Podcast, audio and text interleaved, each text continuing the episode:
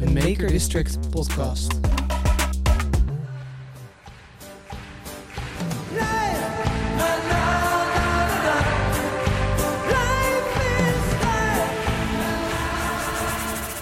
Deze gloednieuwe podcast ga ik, Kirsten van der Westering, elke aflevering in gesprek met iemand uit de vrouwenvoetbalwereld. Kirsten van der Westering. En het is een goal voor Oranje. Kirsten van der Westering met een afstandsknal. Dat probeert ze wel vaker en ze kan het ook echt goed. Ik ben natuurlijk ook lang geblesseerd geweest.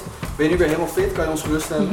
Ja, zeker geruststellen. Ik kijk echt heel erg uit om weer wedstrijden te mogen spelen. En ik ben ook echt heel blij dat Feyenoord mij die kans geeft. Ik zit hier aan tafel met de enige echte Chanté Dompig. Chanté speelt voor AC Milan en zij heeft net zoals ik helaas een zware blessure moeten doorstaan.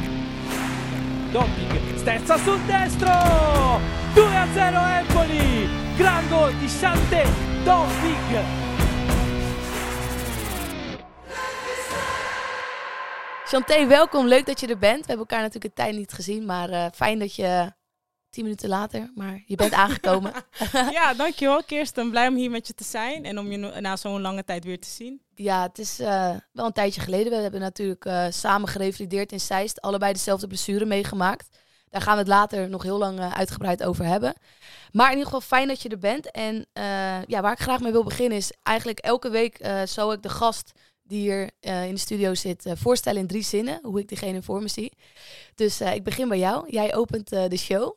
Oké. de eerste podcast. Dus Ja. ehm, nou, ik ken jou eigenlijk als een hele snelle, sterke en creatieve speelster. Die buiten het veld altijd heel erg vrolijk is, super sociaal en altijd in is voor een dolletje. En eh, ik had toch al gedacht dat je misschien een danscarrière ging inslaan. Want eh, ik heb jou zien dansen, ja, dat eh, is niet normaal. Maar naast voetballen kan je ook nog eens gigantisch goed dansen. En ja, je bent gewoon een super toffe, leuke meid. Ik moet zeggen, dit zijn vijf, zes, zeven zinnen, denk ik. Maar nogmaals welkom en zo zie ik. Maar kan je je daar een beetje in vinden? Ja, het overvalt me een beetje dat je zo over mij denkt. Ik dacht dat je me eigenlijk niet zo aardig vond. Ja, nee, nee, een grapje. Nee, Ehm, nee, het klopt. Ik ben wel een eh, creatieve buitenspeler met snelheid. Ook buiten het veld kan ik eh, een heel vrolijk persoon zijn. En buiten het voetbal om hou ik natuurlijk wel van dansen. Want ik hou van om in beweging te zijn. Dus als ik eh, vrij ben en eh, niks te doen heb, dan ga ik gewoon lekker een muziekje opzetten en lekker dansen. Dus ik kan me er zeker in vinden, ja. Ja, nee, zeker. En je zegt, ik kan een vrolijk persoon zijn. Mhm. Eh, wat zit daarachter? Kan je ook niet vrolijk zijn? Ja, ik denk dat ik een persoon ben die moeilijk zeg maar, met tegenslagen om kan gaan. Vandaar dat zo'n kruisbandblessure bij mij best wel hard binnen is gekomen. Maar eenmaal als ik die knop omzet, dan kan ik weer gewoon die vrolijkheid oppakken en gewoon weer verder gaan eh, met het leven eigenlijk. Ja, zeker. ja je, je verklapt het eigenlijk al. Je hebt ook een zware kruisbandblessure gehad. Eh, kan je ons daar een beetje meenemen? Hoe is dat gegaan? Eh, wanneer is dit gebeurd? En ehm, ja, kan je ons daarin meenemen? Ja, nou, ik weet het eigenlijk nog precies. Het was een van de laatste trainingen. Bij Empoli speelde ik toen nog in Italië. Was ook vrijdag de 13e dat het zeg maar is gebeurd tijdens een training. Eh, ik, ik weet wel van mezelf dat ik een beetje oververmoeid was. Maar ja, alsnog wil je gewoon die laatste trainingen alles geven en je laatste wedstrijd gewoon goed spelen. Dus ik heb gewoon die knop omgezet en gedacht van, hé, hey, ik ga gewoon nog die laatste paar dagen eigenlijk knallen. Maar mijn lichaam vond het eigenlijk wel genoeg. Die moest opladen. Maar alsnog wilde ik zeg maar wel de beste kant nog van mezelf laten zien aan het einde van het seizoen. Waardoor ik alsnog gewoon die training heb gedaan. En eh, eigenlijk in een sprintduel waar niemand mij heeft aangeraakt, ben ik door mijn eh, knie gezakt eigenlijk, als het ware. Dus eh, ja, vrijdag de 13e was dat. Dus eh, zo is het een beetje gebeurd eigenlijk. Ja, heel, heel bijzonder. Want wij spraken elkaar twee weken daarvoor. Toen scheurde ik zelf mijn kruisband af. En dat kan ik me nog wel heel goed herinneren. Dat jij mij, volgens mij facetimede je me. Ja, ja. En je stuurde me berichtjes, super lieve berichtjes. En twee weken daarna facetimede je mij. En ik herinner me echt nog als de dag van gisteren. Dat je zegt, keer, het is hetzelfde is mij overkomen. Je gelooft het niet. Je zegt, ik wil het niemand vertellen. Je bent de enige die ik het op dit moment Ja. durf te vertellen. Omdat je weet waar ik in zit. In zit. Eh, nou, nu zijn we volgens mij eh, gelukkig een jaar verder. Ja, klopt. Eh, hoe voel je je nu? Ja, ik denk als ik erover moet praten dat ik gewoon eigenlijk weer emotioneel word. Ja. Wacht even. ja. Ja, het is, het is ook Nee, echt niet makkelijk geweest. En we hebben samen natuurlijk in Zeist hebben we echt hele zware trainingen gehad. Maar je speelt nu bij AC Milan. Ja, Eh, nee. Je bent weer terug op het veld. Volgens mij ben je sterker dan ooit. Ja, ja. Voel je dat ook zo? Eh, ja, ik denk het wel. Omdat je zeg maar in die periode dat je eigenlijk aan het revalideren bent, doe je gewoon veel meer krachttraining dan dat je normaal doet. Veel meer conditietraining, waardoor je lichaam, waardoor je lichaam toch weer andere dingen bijleert, waardoor je eigenlijk gewoon sterker terugkomt op het veld. En vooral hoe je heel lang niet hebt gevoetbald en dan in ene weer wedstrijden, trainingen en alles met de groep mag meedoen. Voel je je mentaal, zowel mentaal als fysiek, gewoon veel sterker. Ja, je, tenminste, je geniet er denk ik nog meer van. Dat merk ik bij mezelf ook. Mhm. In het begin kon je misschien zeuren van... oh, heb ik weer conditietraining? Ja. Moet ik weer krachttraining doen? En nu heb je zoiets... je geniet van elk moment dat je weer er mag staan. En ehm, ja, als ik, als ik zie hoe jij bent teruggekomen... je, bent, eh, je hebt eh, ondanks je blessure een stap van Empoli naar AC Milan gemaakt. Eh, volgens mij één wedstrijd bij Jong gespeeld... daarna gelijk in de basis. Klopt. Ehm, ja, als je dat ziet, hoe je dat eh, ja, eigenlijk hebt geflikt... is natuurlijk heel knap. Ehm, ja. heb je zelf eh, tijdens je blessure eh, vaak last gehad van het mentale vlak? Ja, ik denk dat je op mentale vlak gewoon best wel alleen voelt. Ik weet niet of je dat zelf ook hebt gehad. Ja. Dat mensen wel zeggen dat ze er voor je zijn. En ik geloof ook echt dat ze Mhm. er voor je zijn. Maar op die momenten ervaar je het toch anders en voel je je toch wel alleen. Omdat jij vroeg op moet staan om te revalideren. Jij moet gewoon door blijven gaan, ondanks dat je knie heel veel pijn doet. Jij krijgt pijn, zeg maar, als je knie dik wordt en je het moet eisen en al dat soort dingen. Ehm, dus mentaal is het eigenlijk eh, best wel zwaar. Maar ik denk na zo'n blessure dat je toch eh, mentaal sterker, sterker bent dan ooit. Ja. Ervaar je dat ook zo? Ja, nou dat had ik denk ik ook. En je hebt natuurlijk, eh, we hebben allebei een hele hechte familie. Veel Mhm. vrienden om ons Mhm. heen die zeggen van we zijn er voor je Mhm. en we doen het met, we, helpen jou. Alleen uiteindelijk als je verdrietig bent, dan voelt het wel echt van Ja. ik moet het zelf doen. Ik moet echt elke dag in de, in de eh, gym staan. Ik moet elke dag het uiterste uit mezelf halen om weer terug te komen op het veld. En dat vond ik vooral heel zwaar. En ik, wat ik zelf heel erg merkte is, eh, je ging met heel veel discipline naar Zeist om te revalideren. Het was daar echt enorm gezellig vooral, Ja. omdat je met andere Eredivisie-spelers speelde of trainde. En vervolgens ging je in de auto naar huis en dan werd ik verdrietig Ja. als ik thuis kwam. Want ik had me de hele dag sterk gehouden. Ja. En dan kwam je thuis en dan werd je zaggerijnig, verdrietig. En dat vind ik, vond ik heel lastig. Eh, maar als ik erop terugkijk, denk ik zeker ook dat het ons sterker heeft gemaakt. Want ik weet nog wel heel goed dat jij mij FaceTime, dat je zei, Mhm. keer, ik, ik kan dit niet. Ik, ik, ik ben mentaal zo zwak, maar kijk even waar je nu staat. Hè? Ja, Je, ja. bent, je bent basisspeler bij AC Milan. Ja. Eh, volgens mij scoorde je in je eerste drie wedstrijden gelijk eh, een doelpunt. Ja. En, eh, want je hebt volgens mij ook nog foto's meegenomen. Kan je, Ja, kan je dat laten zien? Ehm, eh, Ja, Ik, tegen wie was het? Ehm, welke wedstrijd het was. Ik denk dat het een, ehm, de tweede wedstrijd zeg maar, was met AC Milan. Want de eerste wedstrijd na mijn blessure heb ik gespeeld met de belofte. En de andere laatste vijf wedstrijden volgens mij heb ik eh, gespeeld met mijn eigen team. Dus gewoon het eerste team van Milan. En in mijn tweede wedstrijd, als ik het goed heb, mocht ik tegen Juventus ook in de basis spelen. En eh, heb ik even een doelpuntje meegepikt. dus dat zegt die foto al. En ja, ik kan mezelf niet voorstellen als ik nu weer score. Ik denk echt dat ik moet gaan huilen, dat er zoveel emotie vrijkomt. Hoe voelde dat voor jou toen jij dat eerste doelpunt maakte? Nou, Weer na je, zeg maar, na je blessure. Ja, het voelde gewoon als een beloning voor mijn harde werken, zeg maar, dat afgelopen jaar, die ik heb moeten doorstaan. Maar ehm, ja, uiteindelijk, je bent zo blij, er is zoveel ontlading. Ik zei ook in de kleedkamer, eh, had ik met mijn teamgenoten besproken van, ik ga dansen als ik heb gescoord, En? weet je wel. Je dat? Nee, tuurlijk niet. Wat want- deed je na je goal? ja, ik was gewoon blij, schreeuwen, Ja, juichen. mag ik de foto en- eens zien? Die, ja, eh, tuurlijk. Ja, kijk maar. En Ah. iedereen was zeg maar ook blij voor mij dat ik eh, weer had gescoord. Omdat iedereen wist hoe Ah, zwaar het zeg maar, voor me was. Ja, ja. ja. Dus het was echt ontlading. Ja, je ziet die ontlading ook echt in je Ja. gezicht. Maar zeg maar hier bij deze foto zie je gewoon dat ik heel erg blij ben. En eigenlijk niet eens het besef had van... hé, hey, ik kom van een kruisbandblessure. Ja, Maar dat na is- deze wedstrijd in de kleedkamer ging ik wel echt beseffen, rustig zitten.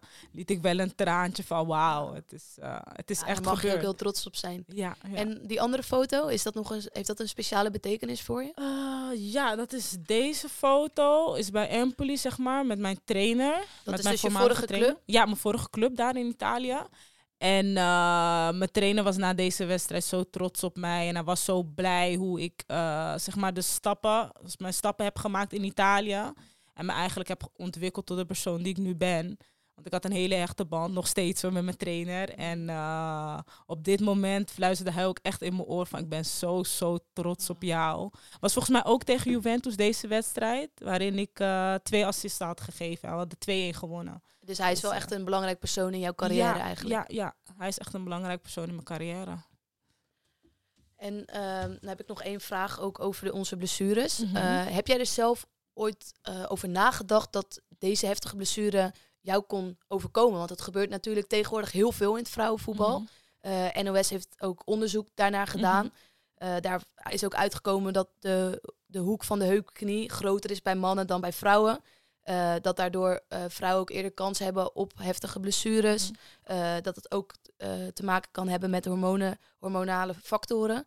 Ehm, ja, heb je daar zelf eerder over nagedacht voordat je de- deze blessure had? Ehm, nou, ik zeg je heel eerlijk, het blijkt dus dat best wel veel mensen in mijn kring zo'n blessure hebben gehad. Dus ook eh speelsters waarmee ik heb gespeeld bij Alkmaar, bij Buitenvelden, waar ik eigenlijk geen idee van had. Ik dacht van ja, die zijn gewoon even geblesseerd, dus ik heb daar verder ook niet echt naar omgekeken. Maar toen ik jou dus facetimede die dag dat het jou was overkomen, dacht ik van wauw, het komt toch wel echt dichtbij. Omdat ik eigenlijk best wel goed met jou was. We ontmoeten elkaar op nationaal, zeg maar bij Ja. nationaal. En we hadden gelijk al die klik en alles, waardoor ik het gewoon heel erg voor je vond dat je die blessure had. En toen zei ik nog tegen Knol van, ik weet niet wat ik zou doen in die positie. Maar Kirsten is mentaal zo sterk dat ik denk dat zij er wel snel bovenop komt. En jou hoor, een week later zit ik daar ook. en daarom had ik jou ook gelijk gebeld. Omdat ik wist van, jij kan met mij meepraten. Jij weet waar ik over praat. De rest en dat is, dat niet. Ja, dat is wel echt heel mooi dat je dat zegt. Het is, je weet eigenlijk pas echt wat het is als je het zelf meemaakt, Ja. zo'n blessure. En Ja. iedereen kan zeggen, oh wat erg voor je. Of Mhm. ga, ga ervoor, je gaat sterker terugkomen. Maar pas als je zelf ja, in die blessure zit en je Mhm. hebt die blessure, weet je wat het ja, voorstelt. Ja. En ja, ik denk uiteindelijk eh, een week daarna dat jij mij belde, wij hebben daardoor wel echt een hele sterke band gekregen. en we zo, zijn, ja. eh, ik heb eigenlijk ook tegen gezegd, kom naar Zeist, het is daar zo Mhm. goed voor elkaar. We zijn samen gaan revalideren en Mhm. we hebben nu nog steeds eh, dagelijks contact. En dat vind ik wel echt mooi. En ja, eigenlijk mijn droom is wel om natuurlijk samen eh, straks in oranje te staan. Ja, zeker op EK's en. WK's. En dan kijken we achterom en dan denken we, hebben we het toch even geflikt. Ja, echt Toch? zo. Ja, ik kan niet wachten op dat moment. Nee. Maar ik kan ook echt niet wachten op het moment dat jij je debuut maakt. Want ik Ja. sta echt wel daar voor jou te ja, juichen. nee, ook, ik ook ga echt jou. zo blij voor je zijn. Ik was echt al blij toen ik hoorde dat je nu een transfer gaat ma- eh, hebt gemaakt zeg maar, naar Feyenoord. Dat je weer mee mag doen met de voorbereiding en alles. Dat, dat maakt mij gewoon Ja. gelukkig. En dat heb ik met iedereen die deze blessure heeft. Ook de mensen die hebben gerevalideerd in Zeist. Ja. Ik, ben- ik ben gewoon echt blij voor iedereen die zo ja, sterk we hebben echt een hechte band gekregen, ook met die groep, met die jongens. eh, en dat vind ik ook wel het mooie daaraan. Er wordt geen onderscheid gemaakt Nee. daar. Eh, Mannen en vrouwen, we revalideren met elkaar. We doen Mhm. ook allemaal hetzelfde. Dus eigenlijk zijn we nog fitter dan ooit. Ja, is Ehm, en dat is, ja, weet je, die mannen lopen misschien wel even voor. Mhm. Wij lopen er achteraan, maar we doen wel alle meters hetzelfde. En Precies. ja, dat merk ik nu vooral als ik terugkom bij de vrouwen om Mhm. weer eh, terug te keren in het team. Ja, je loopt opeens vooraan. Omdat Ja, je eigenlijk eh, ja, zo hard hebt getraind. Traind. En ehm, Maar ik Ja. denk dat jij altijd al vooraan nou ja, ik, eh, ik hou ervan om veel meters te maken Ja, inderdaad ja. in het veld. Ehm, Dus na deze maar, eh, blessure maar nog meer bijhouden meters. ga ik jou nooit. Nee. Sneller ben je. Maar ehm, ik ken jou net als jij hebt net gezegd. Ik ken je sinds eh, Nationaal, Jong Oranje. Mhm. We kennen elkaar eigenlijk nog helemaal niet lang. Nee. Eh, we hebben elkaar ontmoet bij Jong Oranje, een Mhm. toernooi in Spanje. Ja.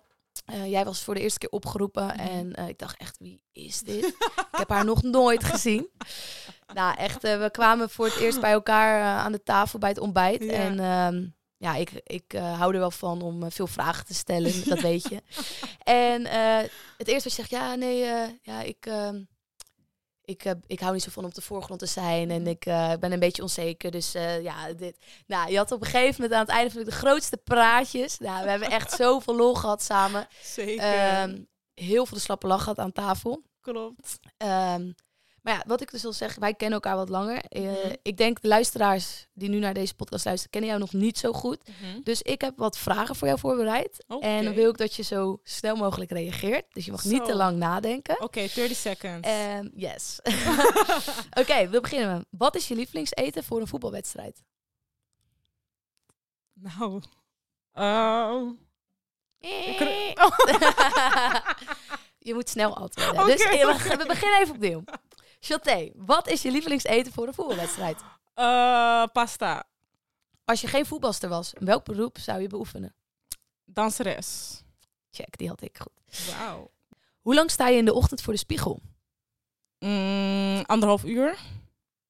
Jouw favoriete cheatmeal? Ah, patatje oorlog. Voor welke club zou je zo tekenen mochten zij op de stoep bij je staan? Paris Saint-Germain. Oui, oui.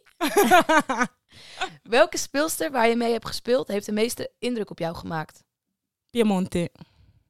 Jouw favoriete vakantiebestemming? Suriname. Ja, Dat mijn waren land. Ze. Dat waren ze. Ja, zo. Was snel genoeg? Dat was snel genoeg. Zo. Je hebt het goed gedaan. Ik hoop eh, dat eh, de, kei- of de luisteraars nu eh, wat meer over jou weten. Of heb je zelf nog iets wat je heel graag wil vertellen, wat, wat je denkt, dit weten mensen echt niet van mij? Mm, dat mensen echt niet van mij weten. Ik denk dat ik ook heel rustig kan zijn. Dat mensen dat nog niet van dat mij heb weten. ik nog niet. Nee, Nee, dat heb ik, dat weet, dat heb ik nog niet gezien. nee daarom. nee, maar ik kan echt rustig Ja? zijn. En mensen schrikken daarvan als ik Ja. dan rustig En is dat ben. dan voornamelijk thuis of als je bij de voetbal bent? Of... Eh, voornamelijk thuis hoor. Ja? Ja? Ja, Als ik bij de voetbal ben, heb ik eh, best wel veel energie. Maar voornamelijk thuis, als ik dan rustig ben. En dan komen de vriendinnen langs. Denkt iedereen gauw dat er wat met me aan de hand is. Maar dan ben ik gewoon lekker zen. Lekker eh, in mezelf.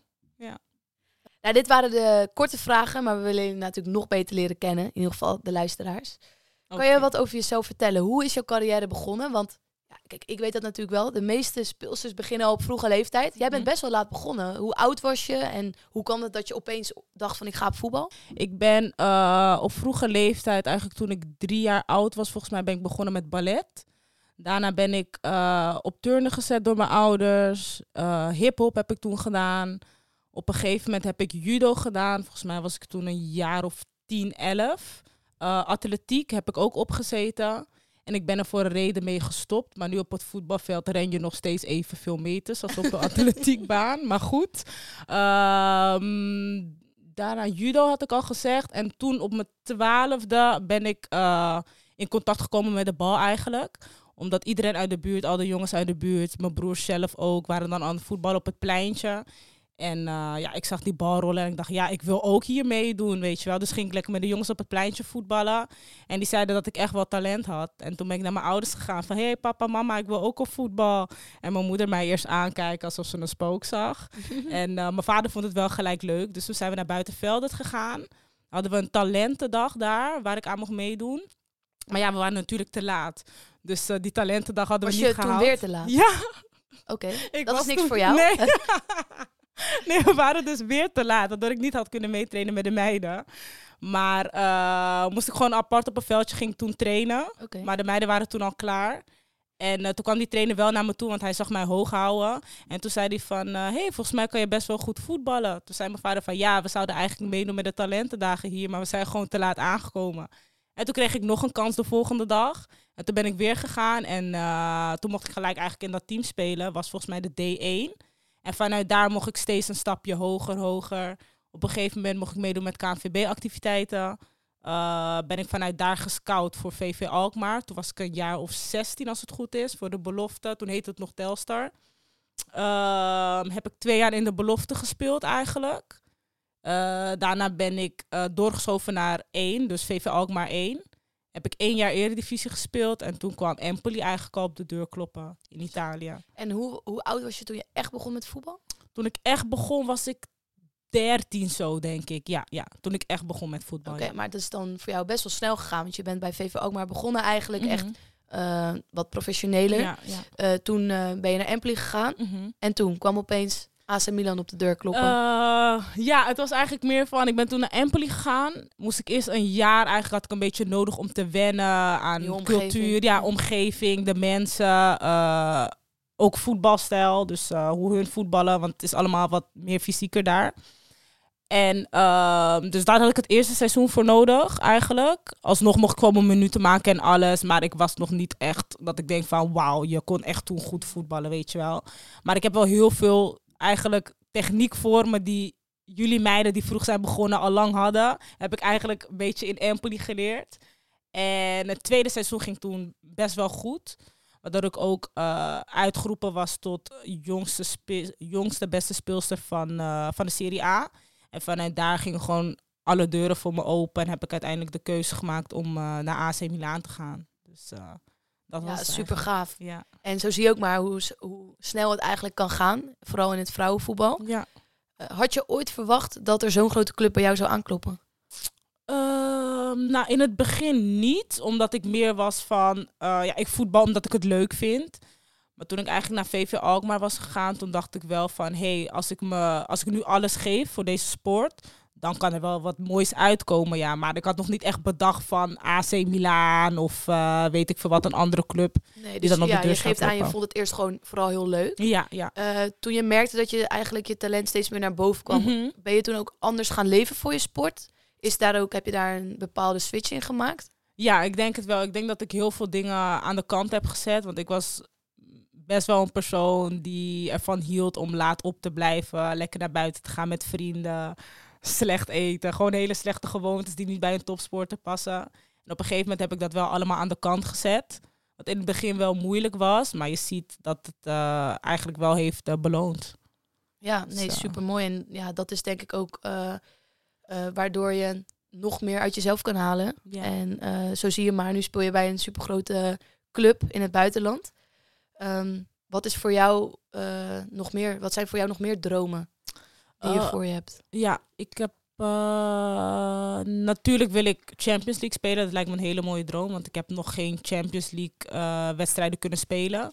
Dus dat lijkt me ook heel leuk om ooit nog te mogen doen. Verder zou ik ook graag met mijn team kampioen willen worden. Dus dat je gewoon de eerste bent van de competitie lijkt me ook heel vet. En dan een eh, heel leuk feestje achteraf in de bus en alles. Want als ik dat Feestjes hou je nog steeds ja, van, hè? ja, ja, dat zeker, op zijn tijd. Ja, dus dat lijkt me ook wel heel leuk. En ja, uiteindelijk gewoon het eerste van eh, het Nederlands elftal halen. En eh, ja, vanuit daar gaan ook weer deuren voor je open. Dus dan zie ik het wel. Ja. En als je nu terugkijkt op de tijd die je hebt gehad, had je dingen graag anders willen doen? Of had je andere keuzes gemaakt? Ehm, even denken. Nee, ik denk het niet. Ik denk dat alles eigenlijk zo moest zijn. En ook met zo'n kruisbandblessure. Soms moet je gewoon even de bodem aantikken, denk ik, om nog verder je niveau, eh, boven je niveau uit te stijgen. Dat is mij ook heel vaak verteld, zeg maar, tijdens deze blessure van... Dit had je gewoon even nodig om nog meer uit jezelf te kunnen halen. En ik snap wel wat ze daarmee bedoelen. Want ik heb in mijn leven bijvoorbeeld nog nooit zoveel krachttraining gedaan, nog nooit zoveel gerend.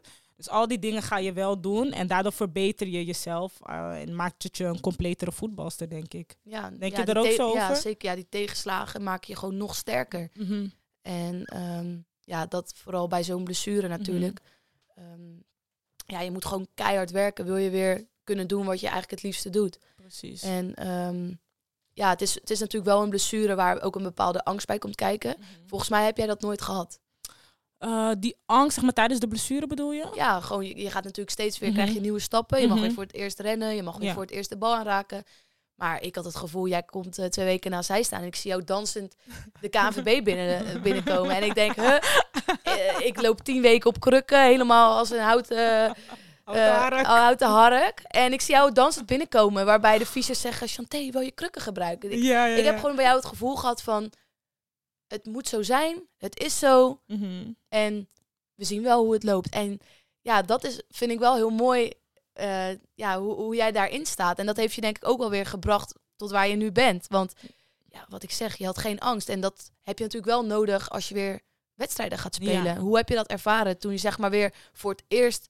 Ik heb nog geen wedstrijd gespeeld. Mhm. Dat zal ergens komende eh, tijd weer ehm, Gebeuren. gebeuren. Mhm. Maar hoe voelt het om dan zeg maar weer in een wedstrijd te staan?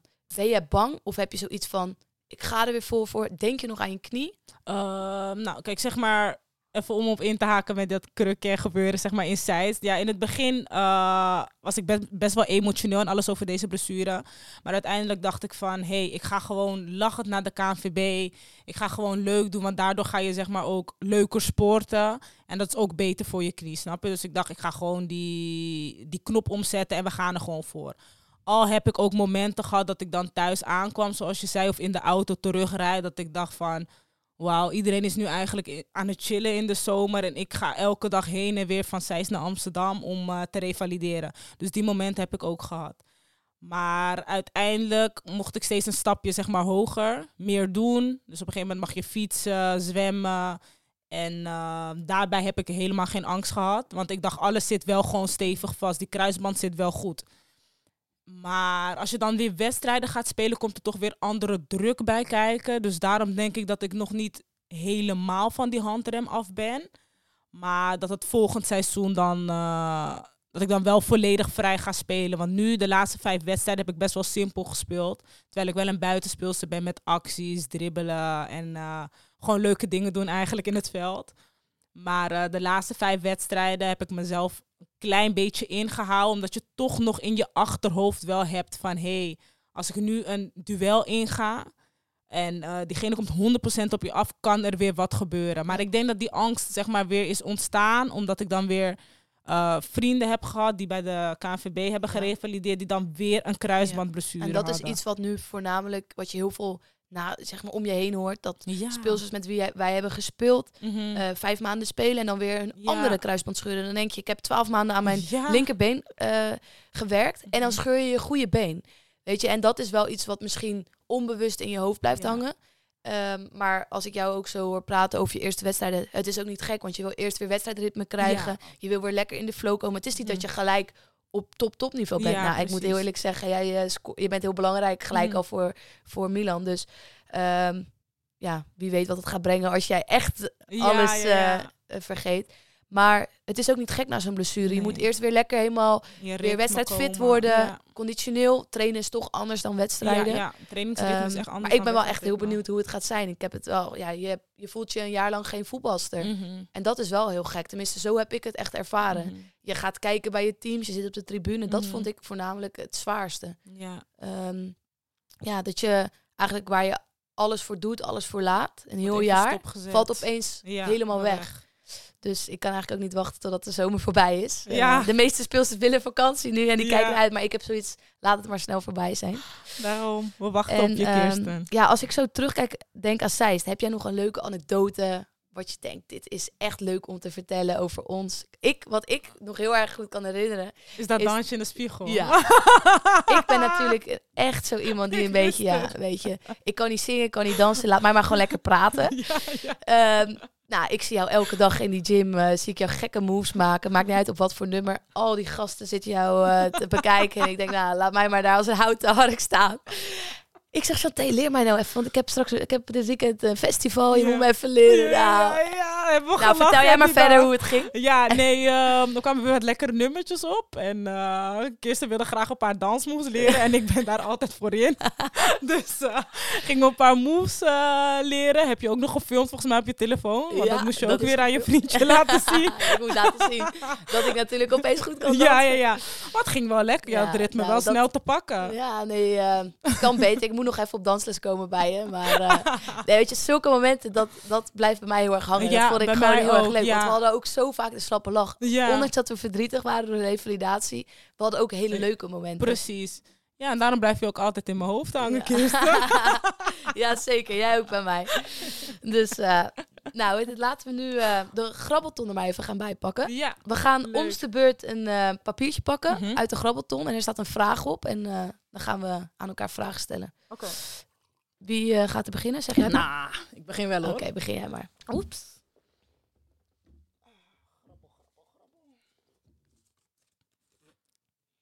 Beschrijf jouw liefde voor voetbal. Ja, mijn liefde voor voetbal is wel echt heel groot. Ehm, dat ik ja, eigenlijk van kleins af aan het, eh, al heel erg mee bezig ben. En mijn droom is om proefvoetbalster te zijn. En dan ook echt ja, het Nederlands elftal halen. Dat is echt wel mijn ultieme droom. Ehm, dus mijn liefde voor de sport, voor voetbal is ja, enorm groot. Ik laat er alles voor. Ik doe er heel veel voor. En eh, ik haal er voornamelijk ook heel veel plezier uit. Ja, Dus, en dat eh, heb ik nu even een jaar niet gehad. Maar Ja. ik hoop nu komende jaren weer heel veel plezier uit te kunnen Ja, halen. het komt wel weer. Komt echt wel weer. Dus de Mooi. liefde is eh Super groot. super groot. Ja, anders zou je deze revalidatie niet doen, denk ik nee, ook. nee, zeker. Nou, dan gaan we nu even kijken wat er voor jou uit komt. Zo, die is lang. Hoe zie je de toekomst van het vrouwenvoetbal voor je? Denk aan aanzicht, kwaliteit, salarissen. Denk je dat het nog beter gaat worden? Het wordt natuurlijk steeds beter, maar Mhm. eh, hoe zie je dat voor je de komende jaren? Ehm, ik denk zelf dat als er meer aandacht zeg maar, wordt besteed aan het vrouwenvoetbal, zowel eh, tv-rechten als sponsoren, weet ik veel maar wat, alle dingen zeg maar, die geld opleveren voor het voetbal, dat dat op een gegeven moment, ik weet niet of het gelijk gaat zijn met de mannen, maar dat het wel meer in de buurt gaat komen, omdat iedereen dan ook hun aandacht zeg maar, daarop vestigt. Je hebt ook profvoetbalsters die zich dan inzetten voor zulke dingen. En eh, ja, ik denk door de jaren heen dat het wel steeds veel beter eh, zal gaan. En ook qua salaris en alles. Alleen ik denk dat het ook een kwestie van tijd is. En eh, een kwestie van dat mensen moeten opstaan voor het vrouwenvoetbal. En dat het dan wel eh, redelijk gelijk eh, wordt. Laten we het hopen. Ja. dan mag ik weer. Tegen welke voetbalspeelster keek je van jongs af aan naar op? En niet mij zeggen, hè? Chanté Damper. Toen ze op het pleintje speelde. ja, ik moet heel eerlijk zeggen, ik heb nooit echt opgekeken naar iemand, omdat je... Vroeger was het nog niet echt dat je als speelster fan van iemand was. Dat is Mhm. echt de laatste jaren gekomen. En ja, kijk, ik moet wel heel eerlijk zeggen, toen het EK in Nederland was en het Nederlands elftal Europees kampioen werd, toen kreeg ik echt bewondering voor de speelster. Dat ik ook echt dacht, dit wil ik ook, weet je. Dit Ja, is ook ja. mijn droom. Mhm. En ja, toen was natuurlijk Lieke Martens speelster van Ja, toernooi. Dus daar kijk je wel echt naar van, wow, Ja, had ik ook. echt bizar. Mhm. En eh, alleen, ja, voor, vanuit het Nederlands elftal is Van der Donk wel meer vanuit mijn positie. Ehm, maar ik kon ook op dat EK echt heel erg genieten van Jacques Groene. Die speelde toen een, echt Ja. een heel goed toernooi. Zij was nog helemaal niet zo eh, in de picture eigenlijk. Mhm. En toen was het opeens van wow, weet je. Ja. Dus toen keek ik wel echt tegen die speelsters op. En ehm, ja, ik denk dat dat nu ook gewoon heel mooi is voor de kleine meisjes onder Ja, ons. ja. Dat zij hebben nu wel iemand waar ze tegenop kunnen Kunnen kijken. kijken, ja. En eh, Daarom gaan ze ook steeds meer meiden op ja, vrouwenvoetbal. en dat was natuurlijk... Dat is echt pas vanaf de laatste jaren. Daarvoor, ja, toen ik jong was, ja...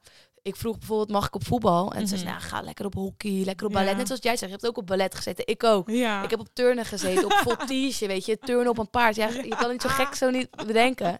Op tennis. En uiteindelijk mocht ik op voetbal. Mhm. Maar nu is het gewoon, je hoort om je heen... eh, eh, een meisje of jongen, maakt niet uit. Pap, Mhm. mam, ik wil op voetbal. Ja, tuurlijk. Ja, En dat was is nu toen, normaal. Ja, dat was toen nog niet. En ehm, ja, we dwalen ook weer helemaal af van de vraag. Maar Ja. in ieder geval, ik vind het mooi om te zien dat eh, het steeds normaler wordt en dat vrouwenvoetbal Ja. gewoon steeds populairder wordt. En ik ook. ja, dat wij, dat wij ook kunnen ook, gewoon- in ja, de wij kunnen ook toekomst. gewoon dromen van, eh, van het Nederlands elftal, een EK, een WK, Mhm. Olympische Spelen, noem het, eh, noem het maar op. Ja. Dus, nou, ik heb nog één vraag voor jou. Zo. Nog één. Denk je dat je ooit zal worden overgekocht door een andere club? Dat ik ooit zou worden overgekocht door een andere club. Na Kirsten. Ik denk, als ik zo blijf doorgaan en mezelf ga ontwikkelen... tot de sporter die ik echt zou willen zijn... dat het dan wel mogelijk is, ja. Ja, denk ik wel. Ik denk het ook, als je doorgaat. Ja, dankjewel. eh, Hetzelfde Want hoe lang heb je nu nog contract? Eh, Ik heb nog een contract lopen van twee jaar. Want ik zou, heb eigenlijk voor twee jaar getekend bij Milaan. Maar één jaar heb ik zo wat al verspeeld omdat ik aan het revalideren was. Dus hadden ze nog een extra jaar aangeboden. Waardoor ik in totaal drie jaar nog bij eh Milaan mag blijven. Dus nog één jaartje voor alle doelpunten maken. En dan eh, overgekocht worden door een andere Champions League club. Het zou zomaar kunnen, maar voor, eh, op dit moment is mijn focus gewoon bij eh AC Je Milan. zit goed daar, hè? Ja, ja, ik zit wel even goed Je kan ook al een woordje Italiaans. Ja, ik kon deze, deze podcast ook in het Italiaans doen. Noem eens maar, een paar... eh, eh, Ja, ehm, even kijken. Nou, ciao Bella. ciao Bella. Ja, ciao Bella. Noi. Nou, dit is nog niet echt dat je eh, je kan redden. dit zijn twee woorden, Chanté. Je zegt, ik kan een nee, maar, podcast in nee, maar even, nee, maar altijd mensen die een andere taal spreken, krijgen altijd de vraag van zeg eens even. Want ja, maar wat moeten we zeggen dan? Ja, eh, zeg wat je vanochtend hebt ontbeten. Oké. Questo mattina ho mangiato yogurt con uh, krusli. Yoghurt met een croissantje. Nee, krusli. nou, Met bijna krusli. goed. Yoghurt met muesli. Nee, Ja. Oké, oké.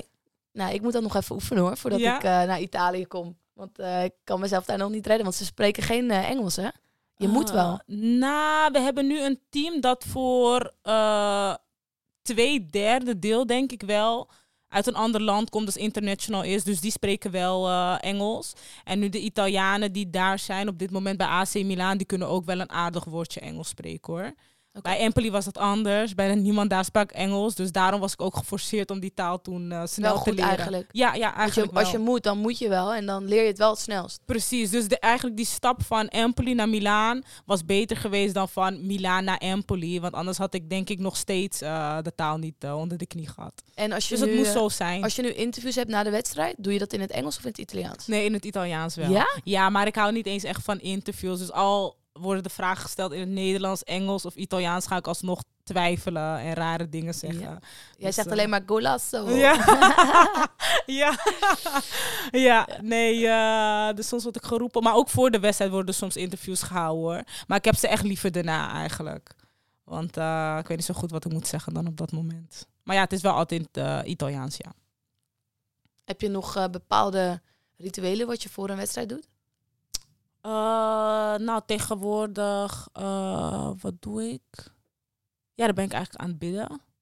Maar dat is eigenlijk één dag voor de wedstrijd zelf hoor. En dan op de wedstrijddag zelf is het uh, ja, eigenlijk gewoon een paar nummers luisteren in de kleedkamer. Want meestal staat er een box klaar, maar dan zit ik gewoon met mijn AirPods in. Om zo even nog die focus te pakken. En voor de rest is mijn mind gewoon leeg. En is het gewoon van ja, of je speelt goed vandaag of je speelt niet goed. Maar dat is ook de mentaliteit dat eigenlijk na deze blessure is gekomen. Van niks maakt me meer stuk, snap je? Dus al speel ik heel goed, al speel ik niet goed. Um, blijf gewoon nog steeds de dompig die uh, jullie hebben gehaald bij Milaan. Dus ja. uh, daarin heb ik niet meer zoveel stress, zeg maar, als eerst. En heb je dan, uh, wat is voor jou het gevoel wat jou, deze blessure jou heeft gebracht? Heeft het nog iets speciaals gebracht voor jou? Um, ik denk dat deze blessure mij wel heeft geleerd dat je eigenlijk elke training, elke wedstrijd gewoon moet koesteren alsof het je laatste wedstrijd is. En dat het geen zin heeft om op elkaar te zeuren tijdens de training of wedstrijden, maar gewoon lekker genieten, want je weet nooit wanneer je laatste wedstrijd is. Dat is eigenlijk wat deze blessure mij uh, heeft bijgebracht. Ja. Ja, zeker. Mooi. Maar ik denk dat jij dat vast ook wel gaat hebben als je weer uh, begint met de groep. Ook als iemand dan bijvoorbeeld tegen jou schreeuwt van... hey, die bal is uh, helemaal verkeerd, Chanté. Dan denk ik bij mezelf, hé, hey, ik heb een jaar lang gerevalideerd. Ik ben er weer. Praat maar lekker. Ja. Weet je, dat, dat, doet me niet meer zoveel. Ja, nee, ik denk dat het ook wel mooi is om daarmee af te sluiten. Genieten van elk moment. Mm -hmm. um, vooral na zo'n blessure. Ja. Genieten van het mooie spelletje. Ja, ik heb dan nog twee korte vraagjes voor jou. Mhm. Mm -hmm. um, wat is jouw allergrootste droom? Mijn allergrootste droom mm, in het voetbal is denk ik toch wel uh, ja, het WK mogen spelen. Dat lijkt me echt uh, heel vet om te doen. En uh, ja, en gezond blijven eigenlijk. Ja, ja that's it. Ja, want um, jouw dromen reiken verder dan alleen het voetbal. Mm Mhm. -hmm. Je hebt ook uitgesproken dat je wilt inzetten voor projecten mm -hmm. in Suriname. Uh, waar wil je dan precies voor inzetten en hoe voel je dat? Um, ik denk dat ook zeg maar in Suriname wordt er niet zoveel aandacht zeg maar, besteed aan de vrouwen, nog de mannen hoor. Maar dat die kinderen dan ook de kans moeten krijgen eigenlijk om zichzelf te kunnen laten zien. En dat er ook meer voor hun mogelijk gemaakt moet worden. Bijvoorbeeld de faciliteiten daar zijn gewoon slecht. De velden zijn bijna niet te doen. Um, 9 van de 10 kinderen hebben geen voetbalschoenen.